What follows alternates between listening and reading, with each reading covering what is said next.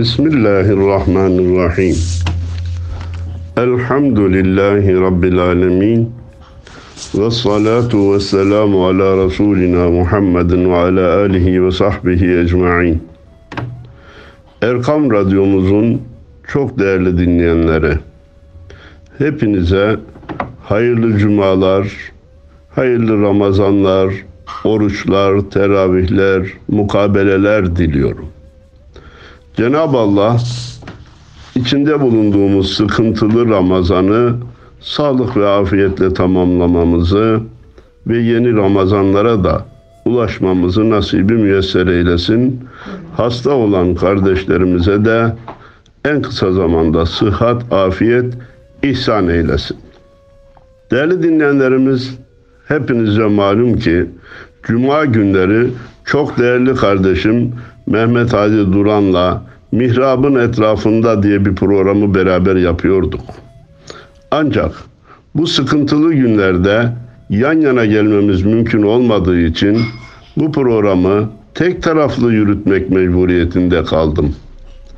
Bu münasebetle değerli program arkadaşıma, kardeşime sizler huzurunda selamlarımı, muhabbetlerimi sunuyor. Sizlere de tekrar hayırlı cumalar dileyerek bugünkü konumuza geçmek istiyorum. Değerli dinleyenler, malumunuz her işin, her mesleğin, her programın bir normal yürüyüş şekli vardır. Bir de fevkalade durumları vardır.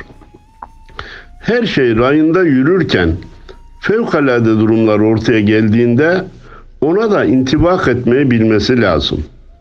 Bizler malum bu sene özel durumdan dolayı cumamızı ayrı, teravihimizi ayrı uygulamaya geçmek mecburiyetinde kaldık. Böyle bir fevkaladelikle karşılaştığımız için. Bizim programımız da normal rayında giderken dini konulardan birer meseleyi her cuma size gücümüz nispetinde aktarmaya çalışıyor idik. Fakat geçen cuma değerli Diyanet İşleri Başkanımız Ali Erbaş hocamız bir hutbe okudu. Bu hutbe bazı çevrelerce yadırgandı, kınandı. Sadece kınanmakla kalmayıp kamuoyuna yayınlanan bildirilerle tabir caizse nefretle karşılandı, kınandı ve e, aşağılandı. Bu bütün Müslümanlar için, hepimiz için fevkalade bir olaydır. Mesele Ali Erbaş'ın şahsı meselesi değil, makamı, temsil ettiği mevkii ve bizzat İslam'ın kendisidir. Durum böyle olunca Ali Erbaş hocamızı hep beraber savunmaya mecburuz. Sadece din görevlileri değil, 98'i Müslüman olan bu ülkenin yüzde 98'i Ali Erbaş Hoca'nın yanında olduğunu göstermesi lazım. Biz şiddete başvurmayız, sokağa dökülmeyiz, vurup kırmayız. Ancak radyomuzla, televizyonumuzla, gazetemizle, bildirilerle, STK'lar dediğimiz de, sivil toplum kuruluşlarıyla bu kişileri yani Ankara ve İzmir barosunu bu yayınladığı bildiriye pişman etmek mecburiyetindeyiz. İbrahim Karagüller'in tabiriyle bu bildiriyi onlara yedirmek mecburiyetindeyiz. Yaptıklarına pişman olup keşke yayınlamasaydık dedirtmek mecburiyetindeyiz. Bu da bizim görevimiz. Ancak bunu yaparken hakaret etmeden, sinirlenmeden fakat cevap hakkımızı da kullanarak biz sessiz yığınlar değiliz. Biz bir yüzüne tokat vurunca öbür yüzünü de çeviren Hristiyanlardan değiliz. Biz hakkımızı da almasını biliriz. Bu ülkenin kiracısı değil, mülk sahibiyiz. Biz başkalarının müsaade ettiği kadar yaşamaya mahkum bir kitle değiliz.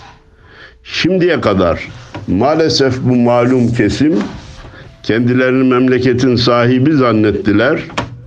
Müslümanlara da biz size ne kadar izin verirsek siz o kadar yaşayabilir, o kadar yapabilir, o kadar konuşabilir, o kadar seçilebilirsiniz diye peşin bir kanaata sahip oldular. Son zamanlarda sahip olduğu kaleler teker teker ellerinden gidince çıldırmaya, saçmalamaya, lüzumsuz, ölçüsüz sözler söyleyip bildiriler yayınlamaya başladılar. Öyleyse biz de onlara ama ölçülü, ama tutarlı, ikna edici cevaplar vermek mecburiyetindeyiz. Evvela şunu arz etmek isterim ki bunlar uya sözde barolardır. Baro bildiğimiz bir meslek kuruluşudur. Avukatlarla ilgili problemlerle ilgilenmesi gerekir. Diyanet İşleri Başkanı bir hutbe okumuş. Size ne? Hutbede şunları şunları söylemiş. Size ne? Hutbesindeki bir cümle tarihi derinliklerden geliyormuş. Sizin işin ne işiniz var bu konuyla? Gelir dinlerseniz dinlersiniz. Namazı kılarsanız kılarsınız. Yoksa bizim ne hutbe okuyacağımızı, hutbede hangi cümleleri ifade edeceğimizi siz mi tayin edeceksiniz? Diyanet İşleri Başkanlığı bundan sonra hutbe hazırlarken önce barolardan onay mı alacak? Bu ne hadsizlik? Bu ne sınırsızlık? Bu ne kendisini bilmezlik? Değerli dinleyenlerimiz, ortak kanaatimiz olarak kabul ettiğim şu noktayı da dikkatlerinize sunmak istiyorum. Bunlar meslek kuruluşu filan değil. Mimarlar odasıyla, diğer bazı kuruluşlarla, tabipler odasıyla, barolarla sanki bir partinin şubesi gibi, yan kuruluşu gibi, arka bahçesi gibi çalışan kurumlardır. İşleri güçleri siyaset ve maalesef de maneviyat düşmanlığıdır. Nerede İslami bir gelişme varsa bunlar ayağa kalkar ve kendilerine durumdan vazife çıkarıp bir şeyler yapmaya gayret ederler. Halbuki siz kendi mesleğinizle meşgul olun. Meslektaşlarınızın problemleriyle meşgul olun. Hayır. Onlar için İslami gelişmelere karşı karşı çıkmak, maneviyata muhalefet etmek meslekten daha önce gelen vazifedir. Ve adını vermeyeceğim bir siyasi siyasi partinin yan kuruluşu gibi çalışmayı vazife bilmişlerdir. Meslek kuruluşu değil, ideolojik örgütlerdir bunlar. Efendim, onları eleştirirken değerli dinleyenlerimize başkanımız hutbede neler söylemiş? Karşı çıkan barolar nasıl karşı çıkmış? Bunu hutbeden ve karşı çık karşıt olarak yayınlanan bildirilerden cümleler naklederek size arz etmek istiyorum. Çünkü eğer gerek hutbeden gerek onların bildirilerinden cümleler nakletmezsem afaki bir eleştiri yapmış olurum. İnsanların da aklına gelir ki acaba Diyanet İşleri Başkanımız hakikaten sakıncalı bir şey mi söyledi ki bu barolar karşı çıktı diye insanların aklına gelebilir. Önce hutbeden başkanımızın cümlelerinden nakilde bulunacağım. Bakalım hiçbir Müslümanın itiraz edeceği, kabul edemeyeceği, onaylayamayacağı bir şey söylemiş mi? Sonra onlar ne demiş? Her ikisinin de cümle altındaki manalar ne? Asıl olan söyledikleri mi, söylemek istedikleri mi?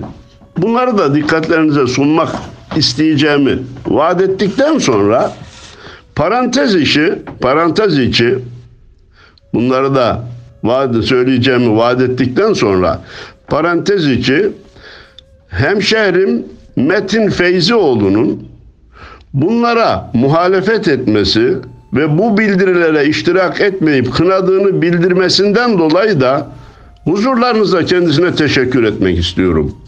Onun o çıkışını da manidar buluyorum.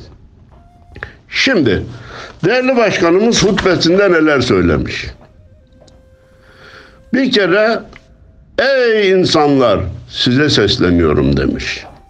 İşte arkadaşları rahatsız eden cümlelerden biri bu. Vay sen Diyanet İşleri Başkanı olarak bütün insanlara nasıl seslenirsin? Oysa ki bizim bütün insanlara beraber seslenmemiz veda hutbesinde başlar. Efendimizle başlar. Çünkü biz gönderilen tevhid akidesinin, Kur'an nurunun, İslam inancının bütün insanlara gönderildiğine inanıyoruz. Efendimizden kıyamete kadar dünyanın neresinde yaşarsa yaşasın, hangi asırda yaşıyor olursa olsun bütün insanlara ulaşması gereken bir mesaj olduğuna inanıyoruz. Efendimiz de ey insanlar diye başladı. Biz de ey bütün insanlar deme hakkını kendimizde görürüz. Başkanımız demiş ki bir sıkıntının içindeyiz. Başımıza gelenler ellerimizle işlediklerimiz yüzündendir. E yanan mı? Yanlış mı? Vay efendim bir kesim bu sözlere benzeri sözlere hemen karşı çıkıyor. Niye? Başımıza gelen sıkıntılar günahlarımız yüzünden derseniz günahlar zarar görür. İnsanlar günah işlemekten kaçınır. Ya bırakın kaçınsınlar. Siz günah bekçisi misiniz kardeşim? Siz günahların avukatı mısınız? Günahları savunarak şimdiye kadar insanlara ne kazandırdınız? Bundan sonra da savunarak ne kazandırabileceğinizi zannediyorsunuz? Başkanımız demiş ki, İslam'ın haram kıldığı şeyler zararlı, emrettiği ibadetlerde faydalı şeylerdir. Buna itiraz mümkün mü değerli dinleyenlerimiz? Aksini ispat edecek bir baba yiğit var mı? Başkanımız örnekler vermiş. İslam dini zinayı, faizi, kumarı haram kılmış.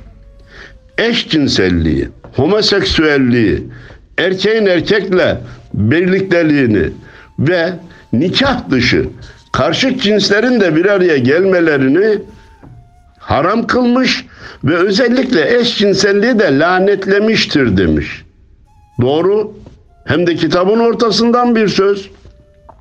Vay efendim siz bununla bir kesim insanları aşağıladınız. Onlara karşı nefret duygusu uyandırdınız. Onları hedef gösterdiniz diyor. Peki bay avukat sen bu bildirinle yüzde 98'i rencide ettiğini hiç düşündün mü? Hiç kabul ettin mi? Türkiye'de kaç tane homoseksüel var? Bunu ben bilmiyorum. Ama yüzdeye gelmeyecek kadar az olduğunu herkes biliyor. Ha, biz o kişileri de birebir lanetlemiyoruz. Fiili lanetliyoruz. Günahı lanetliyoruz. Bizim hedefimiz günahkar değil, günahın kendisidir. Biz ayyaşa düşman değiliz, içkiye düşmanız. Zina edene düşman değiliz, zinaya düşmanız. Zina edeni de ikaz etmeyi vazife biliriz. Deriz ki senin bu yaptığın kötülükten gelecek sıkıntı hepimizin üzerine gelir. Çünkü Cenab-ı Allah Kur'an-ı Kerim'de vettakû fitneten la tusibennellezine zalemu minkum hassa o fitneden, o beladan, o sıkıntıdan korkun ki sizin sadece günahkarlarınıza, zalimlerinize gelmez. Hepinize beraber gelir buyuruyor. Onun için ben başkasının günahına da engel olmaya çalışmam lazım. Onu ikaz etmem lazım. Nehyanil münker yapmam lazım. Nitekim bakın bir hadis-i şerifi özellikle dikkatinize sunmak istiyorum. Efendimiz Peygamberimiz Aleyhisselatü Vesselam buyurmuş ki bir toplumda zinanın işlenmesi normal hale gelirse, zina sıradan bir olay kabul edilmeye başlanırsa Başka bir ifadeyle suç olmaktan çıkarılır, kınanmaktan çıkarılırsa Cenab-ı Allah o güne kadar görülmemiş bir bela ile bir imtihanla o toplumu imtihan eder demiş. Şu anda bütün dünya, bütün dünyada yapılan zinaların değil, bilhassa zinanın normal görülmesinin cezasını çekiyoruz. Günahın işlenmesi azabı gerektirir. Meşru ilan edilmesi, normal kabul edilmesi, suç olmaktan çıkarılması gazabı gerektirir. Başkanımız da bunu söylemiş ve devam etmiş. Dünya sıkıntıda dünyanın düzelmesi ancak İslam ile mümkündür demiş. İşte arkadaşların nasırı burada. Ayaklarındaki nasır buradan depreşti. Vay nasıl olur da dünyanın düzelmesi İslam ile mümkündür dersiniz. Kardeşim ben böyle inanıyorum. Sen inanmayabilirsin. Sen Allah yoktur da diyebilirsin. Ben Müslüman değilim demek de suç değil. Çıkarsın ben Müslüman değilim dersin. Ama benim ne söyleyeceğimi sen tayin edemezsin. Benim söyleyeceğime sen karışamazsın. Benim inancım da bu. Hani kimse inancından ve kanaatından dolayı kınanmayacaktı. Biz inanıyor ve haykırıyoruz ki dünyanın düzelmesi ancak İslam ile mümkündür. Biraz evvel dedim ki günahlara e, mani olmaya elimizden geldiği kadar çalışmak mecburiyetindeyiz. Çünkü gelecek sıkıntı hepimize beraber gelir dedim. Değerli Diyanet İşleri Başkanımız da hutbesinde diyor ki dünya küçüldü. Bir yerde işlenen bir günah, bir hata, bir virüs kısa zamanda bütün dünyaya yayılabiliyor. Belki asırlar önce de böyle yanlışlar yapılıyordu ama lokal kalıyordu. Ulaşım bu kadar hızlı değildi. Bugün bir insan bir günde dünyanın en uzak yerine bile ulaşabiliyor. Öyleyse kimse bize karışmayın. Biz günah işliyorsak kendi memleketimizde işliyoruz. Günahımız kendimize ait deme şansına sahip değil. Biliyorsunuz bu çok önemli mesele hadis-i şerifte bir gemi yolculuğu ile izah edilir. Misal olarak verilir. Bir gemide alt tarafta oturanlar, üst tarafta oturanlar beraber yolculuk yaparken alt tarafta oturanlar üsttekilere zarar vermeyelim diye gemiyi delip de suyu buradan alalım demeye kalkarlarsa yukarıdakiler de canım kendi bulundukları yeri deliyorlar bizimle ne alakası var diye onlara mani olmazsa o geminin tamamı batar, yolcuların tamamı boğulur. Yukarıdakiler gelip yapmayın, etmeyin. Ya sözümüzle terk edin yoksa zorla size bu işi terk ettiririz. Çünkü siz gemiyi delerseniz hepimiz batarız demek mecburiyetindeler. Başkanımız da diyor ki dünya küçüldü, bir yerde işlenen günahın, hatanın, zulmün, adaletsizliğin cezası bütün dünyaya yayılıyor. Hep beraber şu kötülükleri terk edelim. İslam'ın emirlerine sarılmaya çalışalım. Yasakladıklarından kaçınalım. Huzura erelim diyor. Bu sıkıntıdan ibretimizi alalım diyor. Akıllı bir insan, makul mantıklı bir insan bu sözlere karşı çıkabilir mi değerli kardeşim? Değerli kardeşlerim. Yine başkanımız hutbesinde bütün insanların ortak haklarından bahsediyor. Canı muhafaza, aklı muhafaza, malı muhafaza, nesli muhafaza insanların ortak hakları ve görevleridir diyor. Öyleyse gelin bunlara zarar veren sigarayı, tütün mamullerini, uyuşturucuyu, alkolü beraber terk edelim. Zinayı, homoseksüelliği beraber terk edelim. Bütün dünyadan atalım. Bunlarla beraber mücadele edelim diyor. Akıllı bir insanın, makul mantıklı bir insanın buna karşı çıkması mümkün mü? Avukat beyler, bilhassa da baro mensuplarını kastediyorum. Bütün avukat kardeşlerimi haşa kastetmem. İşlerinde nice çok saygıdeğer, dininde, diyanetinde, vatan, millet sevgisiyle dolu nice avukat kardeşlerim var. Hepsine selam ediyor. Hepsini alınlarından öpüyorum. Ama bu arkadaşlar hutbeyi gidip de dinlememişler ha. Başka yerden öğrenmişler.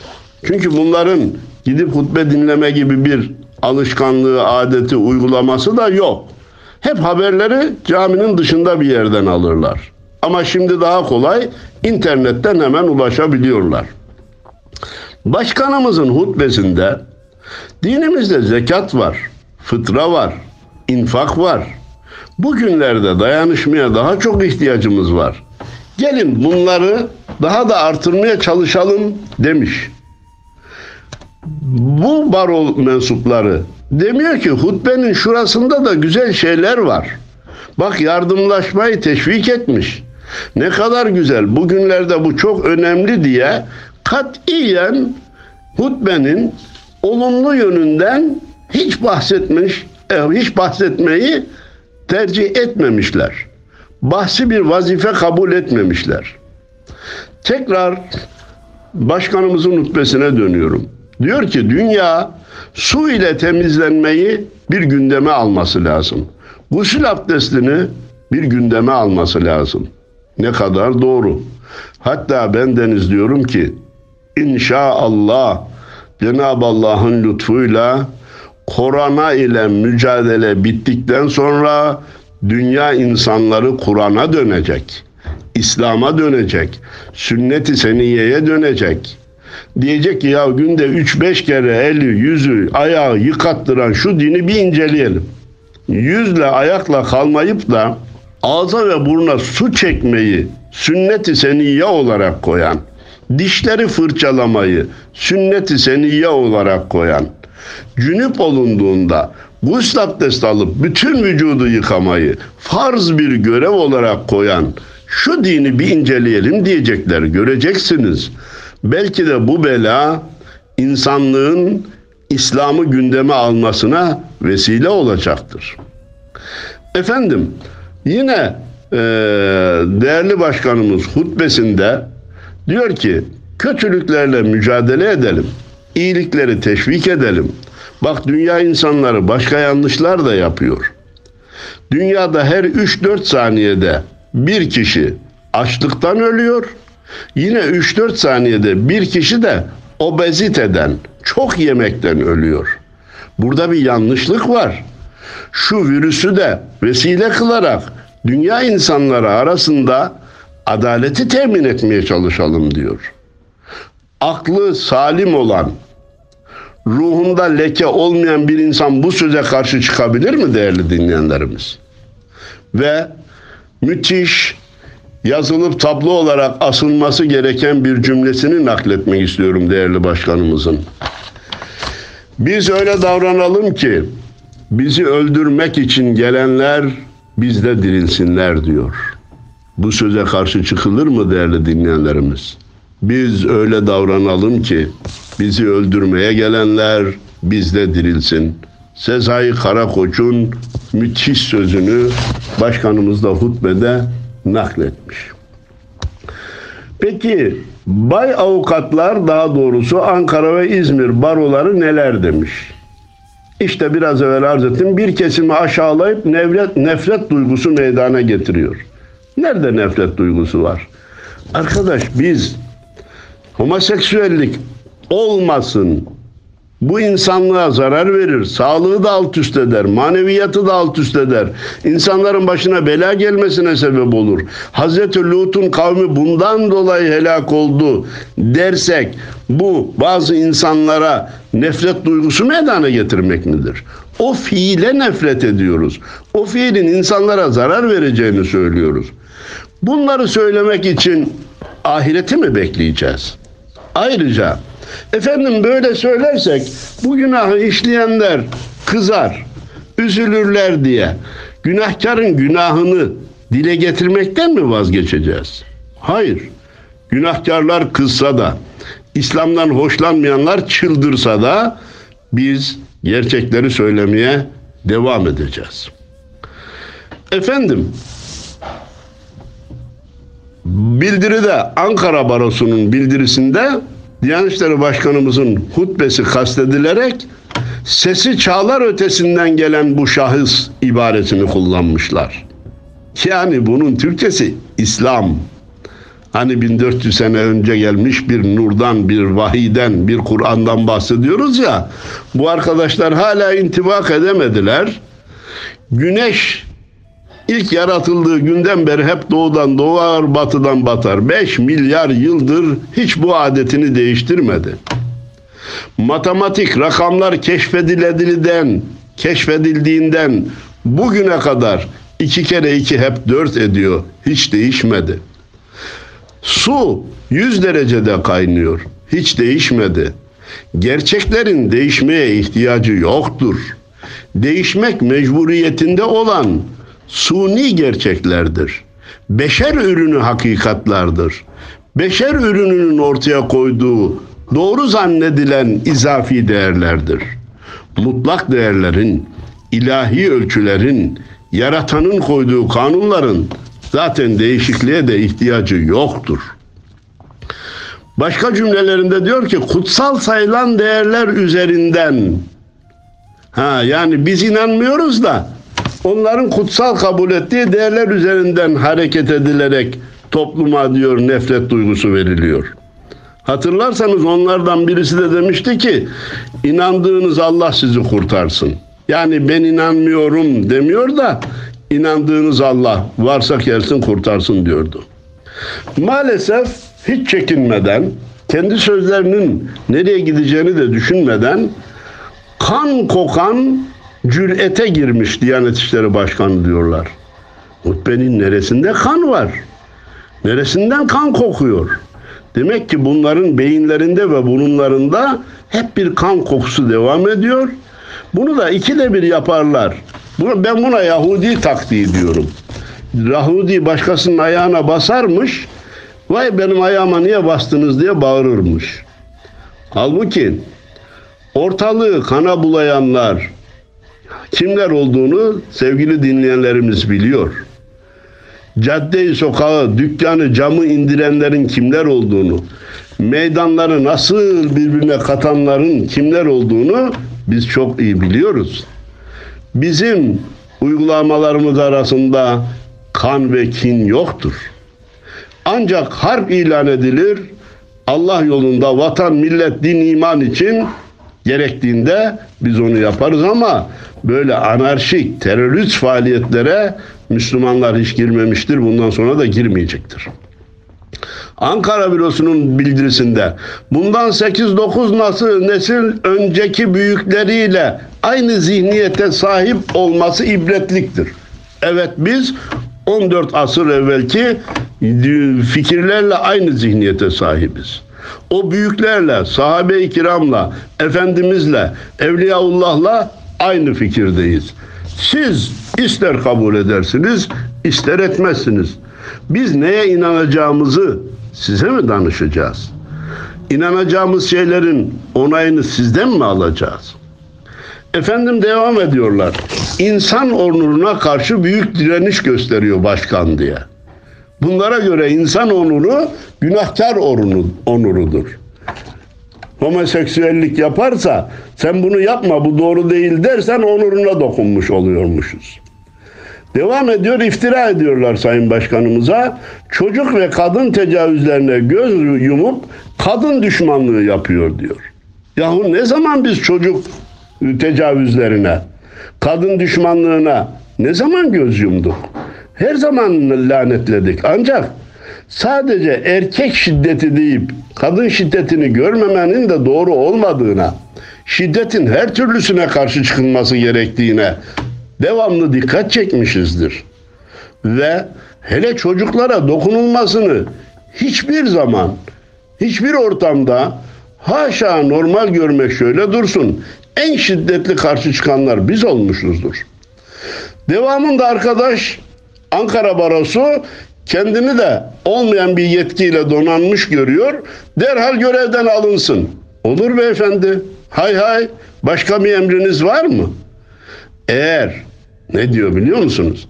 Eğer görevden alınmazsa bir gün insanlara elinize meşaleleri alın, caddeye çıkın ve cadı avı yapar gibi kadınları öldürün derse şaşmayalım diyor.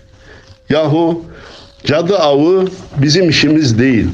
Kimlerin işi olduğunu internete girsinler görsünler. Şimdiye kadar hangi Diyanet İşleri Başkanı, hangi müftü, hangi vaiz, hangi imam, hangi müezzin dışarı çıkın da önünüze geçeni öldürün demiş. Böyle bir şey yok. Hatta biraz evvel naklettim size. Öyle davranalım ki bizi öldürmeye gelen bizde dirilsin demiş. Ama bunların bir lafı tersinden anlama hastalığı var.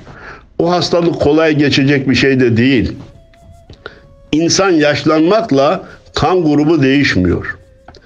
Efendim, devamında demiş ki Ankara bürosu bu şahsı yani Diyanet Başkanımızı ve ona hak verenleri kınıyoruz.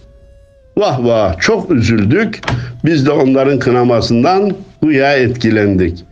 Kınamanızı başınıza çeviriyoruz. iade ediyoruz. Biz başkanımızın yanındayız. Onu haklı görüyoruz. Ona hak veriyoruz. İzmir Barosu başka inciler dökmüş. Homoseksüellik ve evlilikte resmi evlilik dışı ilişkilere ve HIV virüsünün aleyhinde konuştu demiş. E ne kadar güzel ya. Resmi evliliğin dışındaki bir ilişkileri biz onaylamıyoruz diye bağırıyoruz. HIV virüsüyle diyor başkanımız şu kadar milyon insan öldü. Bak korona virüsüyle dünyada 200 bin kişi öldü diye bütün dünya insanları evlerine girdiler. Homoseksüellikten meydana gelen HIV virüsünün milyonları öldürdüğü zaman niçin sesiniz çıkmadı diyor. Niye bütün dünya insanları tedbir almaya kalkmadık diyor. Haksız mı bakan, başkanımız burada? Ayrıca uyuşturucudan ölenlerin sayıları az değil.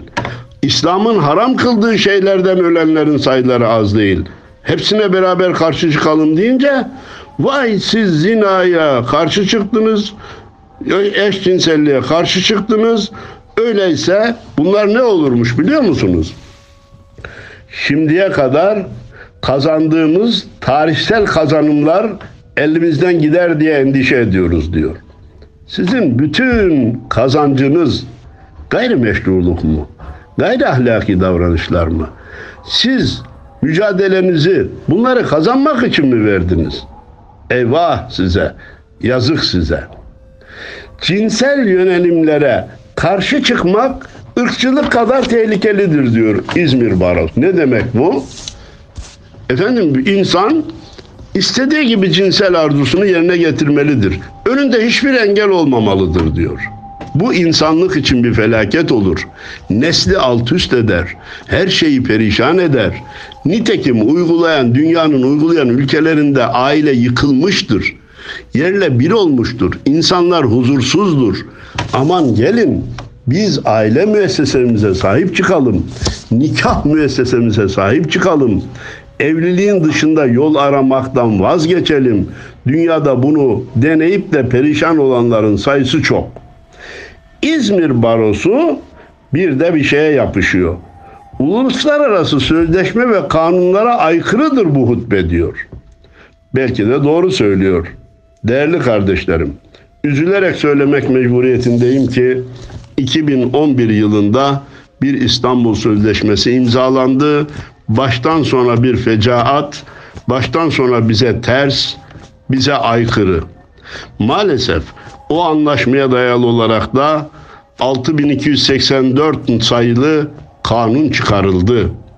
Buradan Erkam Radyomuz vasıtasıyla çok değerli devlet adamlarımıza, devlet büyüklerimize, değerli başkanımıza iletmek istiyorum. Bakın bu bildiriler de gösteriyor ki Allah'ın yasakladığı şeylere karşı çıkanlar bu bildirilere ve bu kanuna sığınmaya çalışıyorlar. En kısa zamanda bu sözleşmenin iptali, ve bu kanunun değiştirilmesi için ne yapılması gerekiyorsa onlar yapılmalı. Değil bizi Avrupa Birliği'ne kabul etmemeleri. Cümlenin altını çizerek söylüyorum. Değil bizi Avrupa Birliği'ne kabul etmemeleri. Birleşmiş Milletler'den de dışarı çıkaracak olsalar bile bu sözleşmenin iptali gerekir. Bu sözleşme bizim aile yapımıza yüzde yüz zıttır. Aileyi yerle bir edecek bir sözleşmedir. Bu sözleşmeden vazgeçilmesi lazım. Bu kanunun iptal edilmesi lazım. Ve biz yeniden aileye, yuvaya, nikaha, salih ve sahih nesillere dönmek mecburiyetindeyiz. Diyor. Hepinize hayırlı cumalar diliyor. Saygılar sunuyorum. Allah'a emanet olun efendim.